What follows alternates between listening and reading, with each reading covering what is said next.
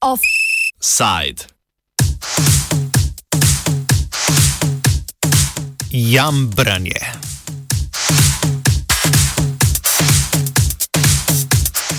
Ko je kriza, je kriza za vse, se očitno glasi moto slovenske vlade, ko sprejema tako imenovane protikoronske pakete zakonov, krajše PKP.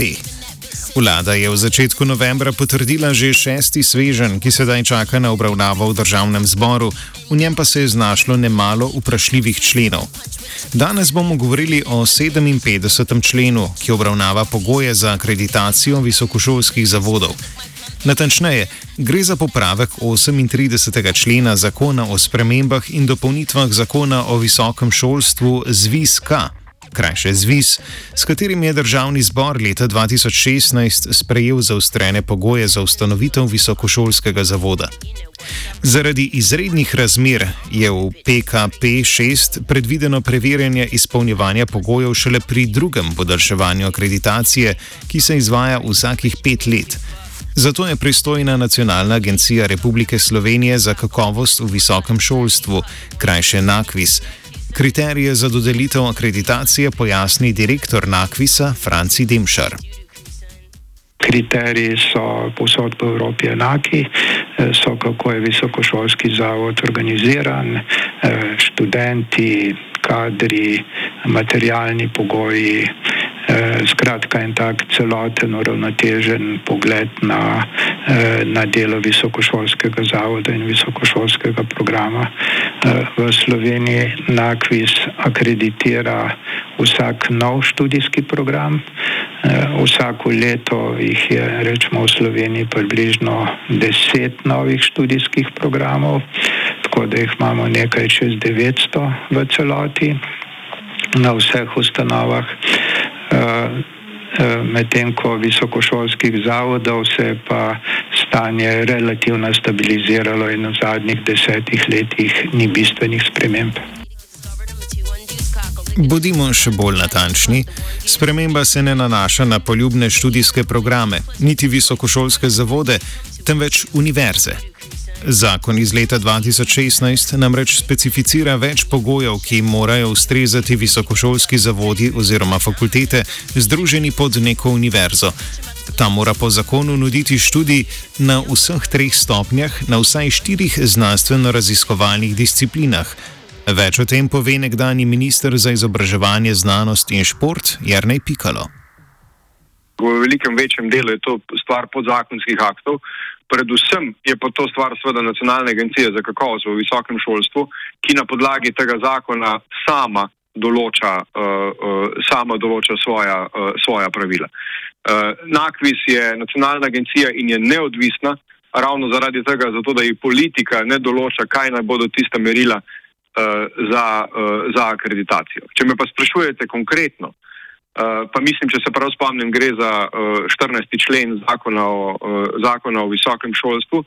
Uh, gre seveda za to, da se, uh, da se jasno napiše, da, uh, da mora imeti uh, visokošolski zavod do eno tretjino redno zaposlenih, uh, redno zaposlenih profesorjev.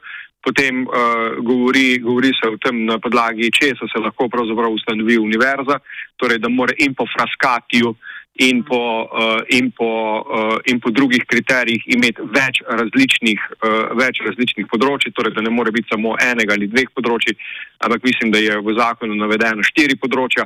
Tako da to so te konkretne. Ampak tisto, kar je izvedbena raven, pa seveda dela nakvis. V kolikšni meri zavodi ustrezajo pogojem, naj bi nakvis preverjal vsakih pet let. Iz obrazložitve k zakonu gre sklepati, da naj bi bilo po mnenju vlade oteženo bodi si dokazovanje ustreznosti, bodi si njeno preverjanje. Mogoče pa nekatere novo ustanovljene univerze v štirih letih niso imele dovolj časa za prilagoditev svojih programov. Komentira Branimir Štrukel, glavni tajnik sindikata vzgoje, izobraževanja in kulture Slovenije, krajše SWIZ. Prav ta argument, s katerim je obrazložen ta člen, da je to zaradi uh, trenutne situacije ne razumem, v čem se povezuje ta preložitev teh akreditacijskih postopkov oziroma podaljšanje eh, terminov z, eh, z temi. Uh, z, z, to, z tem preverjanjem. Mislim, no, če gre za to, da zdaj fizično ne more uh, nekdo iti tja in pogledati prostor ali kar podobnega, se zdaj zelo improviziram, ne, se mi zdi, da je to milo rečeno za vse privlečeno. Uh, pač, zakaj je ta argumentacija podobno kot pri tistem enem členu prej, pri razmerjih med poklicno in splošno maturo? Uh, Ta argumentacija je zgolj zato, tam, ker je to v zakonu, ki rešuje vprašanja ne, ki so povezane z epidemijo. To se mi zdi popolnoma zunanje in nima neke ros, eh, notranje konsistence ta argument. Tudi Pikalo se strinja, da omenjeni člen ne spada v paket, ki naj bi bil primarno namenjen soočanju z epidemijo.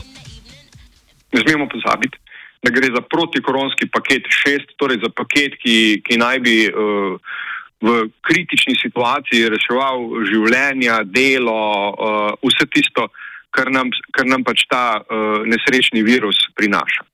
Jaz mislim, da uh, to nima kaj dosti z visokošolskimi zavodi. Visokošolski zavodi so imeli dovolj časa, da se prilagodijo na zakonske spremembe, ki so začele, začele veljati leta 2016. Uh, in tudi sami so dobro vedeli, glede na to, da se je zakon dolgo pripravljal, uh, kakšne spremembe pravzaprav bodo, uh, bodo iz, tega, uh, iz tega izhajale. Tako da, uh, kdo zdaj izpolnjuje, pa kdo ne izpolnjuje, o tem jaz ne želim soditi. O tem lahko sodi in sodi samo nakvis. Um, da, pa, uh, da, pa je, da pa je dovolj časa in da ostali visokošolski zavodi uh, normalno za njih potekajo uh, akreditacije, je pa, tudi, uh, je pa tudi absolutno res. Na tem mestu je smiselno vprašanje, katere univerze naj bi imele to vrstne težave. Morda kakšna nova univerza? Nova univerza! Nastala je leta 2017 z združitvijo Evropske pravne fakultete, Fakultete za državne in evropske študije ter Fakultete za slovenske mednarodne študije, bolje pa je znana kot Jambrekova univerza. Gre za Petra Jambreka, očeta slovenske ustave, ustanovitelja in predsednika Zbora za republiko ter podpornika SDS. Nova univerza ne izpolnjuje zaostrenih pogojev, zato ji grozi, da bo prenehala prejemati sredstva, s katerimi država sofinancira koncesionirane študijske programe. V zadnjih desetih letih so po podatkih Zerarja namreč tri njene fakultete ustanoviteljice skupno prejemale v poprečju 2 milijona evrov letno. Več o tem štrukal. Ta člen pravzaprav ilustrira neko navado, ki je izrazito značilna za države, ki nimajo demokratične eh, tradicije, to je, da se preko zakonov poskušajo eh, reševati problemi prijateljev, znancev, somišljenikov, eh, tistih, od katerih pričakujemo koristi ali ki smo jim karkoli dolžni. Skratka, gre za v osnovi nek koruptiven uh, razlog, ki uh, uh, izkoristi, zlorabi zakonsko podlago, torej normativ, ki ureja skupne stvari v demokratičnih državah, zato da se neki partikularni interesi uh, zadovoljijo. In to je ta 57. člen podaljšanja akreditacijskih preverjanj, je seveda lepa ilustracija takega ravnanja. Po poročanju dnevnika se je tako konec oktobra Jambrek skupaj s trenutnim rektorjem nove univerze Matejem Aubljem sestal z ministrico za izobraževanje Simono Kustec. Potožila sta, da želi na Akvis univerzi oduzeti akreditacijo, če tudi ta izpolnjuje vse pogoje za njo, tudi tiste, ki jih predvideva sprememba iz leta 2016. Pogovor je obrodil sadove, težava odpravljena. Nakvis pač zaenkrat ne bo preverjal pogojev. Demšar kljub temu zagotavlja, da sprememba ne pomeni prenehanja s preverjanjem kakovosti. Tle je se zakonodalec, ne zakonodajalec, nekoliko s tem ukvarja. Do leta 2016 je bil ta pogoj nekoliko manj strok, to se pravi, ni bilo potrebno toliko študijskih programov na vseh stopnjah, ampak nekaj manj. Eh, in eh, verjetno se je zakonodajalcu postavilo vprašanje, ali so 2016, ko so, eh, ko so dopolnili zakonodajo, ali so se nekateri, nekatere univerze, manjše univerze lahko v tem času prilagodile prilagodile tem dodatnim pogojem in ustvarile dovolj veliko število študijskih programov in zaradi tega ta predlog jim ponuja še, kakšne, še nekaj let več časa, da lahko, eh, da lahko skratka razširijo svoje delo. To nikakor ne pomeni, da, eh, da se ne preverja kakovost tistega, kar imajo. Na Nakvisu pa so zaznali še eno težavo.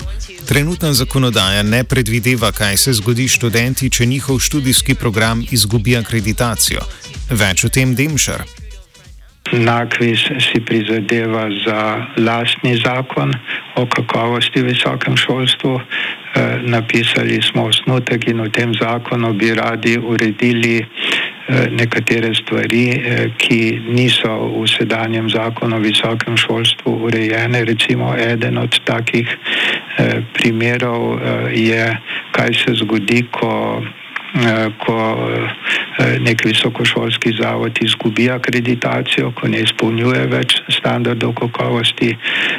V sedanji zakonodaji zdaj žal to ni urejeno in tisti, ki so Eh, ki, katere, na katere ima taka ukinitev največji vpliv, so seveda študenti, eh, ki v takem primeru izgubijo status eh, v našem osnutku, ki bo upajmo prišel počasi na, na klopi oziroma v javno razpravo, pa smo si predstavljali, da bi v takem primeru tisti, ki so upisani študenti, vsekakor morali še imeti možnost normalno zaključiti svoj študij medtem, ko ustanova, če ne izpolnjuje pogoje, pa seveda potem ne sme eh, upisovati novih študentov.